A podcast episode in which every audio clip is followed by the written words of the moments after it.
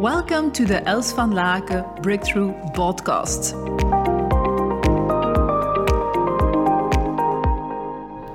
The last weeks have been very intensive, and I've noticed that I got stressed. Uh, and mostly, I can quite deal with stress. Like I'm, I would do some extra hours if needed, and then I would just like be happy that things get uh, done, and I would get fulfillment out of that. But last week I really got stressed and I also got a lot of physical um, symptoms about that. I was sweating a lot of times. I felt felt like I wasn't focused all the time. I felt anxious. I felt insecure. I felt like I didn't want to do things, that I just wanted to sleep. And before, I would really have ignored my body. I mean, before I really talk about years ago.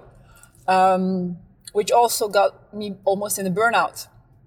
So, and luckily I have weekly my coach, uh, my yoga session with my personal teacher. And, um, I've learned that if I don't listen to my body, I can never hold on and continue doing what I need to do. And it's always about balance between both. And otherwise I crash. And I've crashed in the past. And then it takes me, one time I crashed, I think I was really just on the border of a burnout when I was working in Danone as a marketing manager. And I remember uh, we were doing a great job. My team was just came to my house and we had a brainstorm. And afterwards, I was just sitting there crying because I was exhausted. Uh, so I know how to go over the boundaries of my own body. And I also know that if I don't take it into account, it, it will, um, it's not beneficial so, for example, I know I already want to give a webinar for, I let's say, uh, like one month. I haven't put that into the air because I just don't have the time to get all the promotion mails done or to brief the, my, my team to do it. And so it's not beneficial to go beyond your own boundaries and then because you always need to have this time to recup- recuperate. So it's better to be going into more stability and get con- like consistent results um, instead of uh, working your ass off and then saying, okay, now I can I, I can uh, take a break. I don't know if you had that in the past, but I have it, have have had it that I went I went I worked very hard, sometimes even a a, a night, a whole night through if if needed, just before I went on holidays, and then I said to myself when I was working as an as an employee with Danone, yes, you know, now I can just take a holiday so I can relax. What happened the first week of my holidays? I was sick. Why? Because the body is saying now is finally time that I can relax. I'm now going to get sick. Things that were have been pushed away um, for a couple of weeks, for a couple of months. And even if I'm still in the process of respecting my body more and more and more, I still wanted to do this podcast today um, because it has already been a journey. For example, I, I do sports now three times a week. Um, I eat healthier and I respect my sleep. And it doesn't always work because if I go, I don't know if maybe some of you also know this pattern, but when I go beyond my boundaries, I also want to go into nowhere land. And what is nowhere land? Nowhere land is that, yeah, I call it nowhere land, no brainer land. You don't have to think about anything. You can get sucked in in a certain fantasy world or in a certain world so that you don't have to think about the daily things. And even if I, I stop looking at television, I don't listen to television, I don't listen to radio. A couple of months ago, um, we don't have any television either at home. A couple of months ago, I bought Netflix for my children.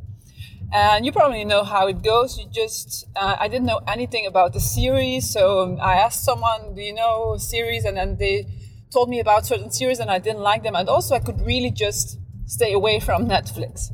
And then a certain moment, it started with Once Upon a Time, which I love. This, uh, it's all about fiction with, um, fiction with me, I like to go into the past, like with stories or fairies or whatever. or uh, fighting or demons, all these things I like. Not too creepy neither, but like yeah, this kind of fantasy world. And you know, when I'm going over my boundaries and I'm quite stressed, I want to go into nowhere land. And if I found a series that works, I could like stay till two, like half past one or two o'clock, just looking at these series of Netflix. And I know it's not helping me rationally. I know it. But I was talking with my yoga teacher this week, and she told me, you know, it's normal. You you just you you when it, this has been going on for a for a while, so your body says, oh, this is nowhere land. I like it. Let's be there. Let's stay there which doesn't help me, of course, because then I'm, I still need to get up in the morning, get my stuff done. So I just want to share it because I guess I will not be the only one since focus is the main problem for lots of people. Um, that you need to know that this is one of your flight mechanisms or your relax mechanisms. And for me, for example, I just need to really understand okay, my body wants to go into nowhere land.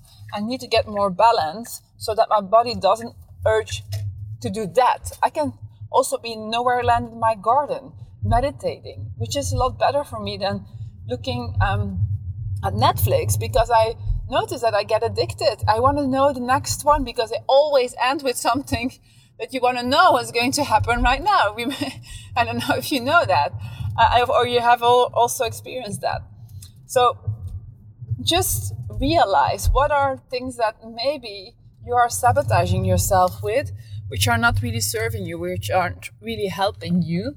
And that if you're honest, you would say, yeah, should not be doing that. I should not put any of my energy and time into it.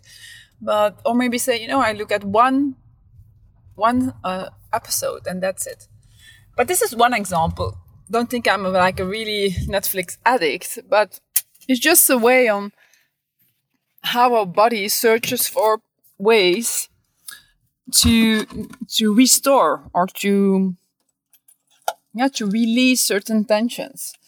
So yeah, I'm wondering what this um, podcast does to you, and you maybe you're thinking, what's now the connection with all the things that are that Els is doing? I believe that when we want to go and do durable breakthroughs, we need to respect our body. It's not only with our mind that we're going to create breakthroughs.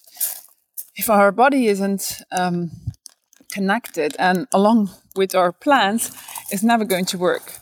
So that's why I'm bringing this in because good body, good mind. That means good business, good life, good relationships, good energy. Okay, enjoy the, the insights of this podcast, and I'm looking forward to hearing you in the future very soon. And don't forget, be proud of you. Thanks for your presence. Check out more inspiration on elsvanlaken.com and let's spread the positive energy together by sharing this podcast with your friends, family, and business partners. Do you want to contact us personally? That's possible. Just send us a mail on hello at elsvanlaken.com and we answer all mails personally. Talk to you soon.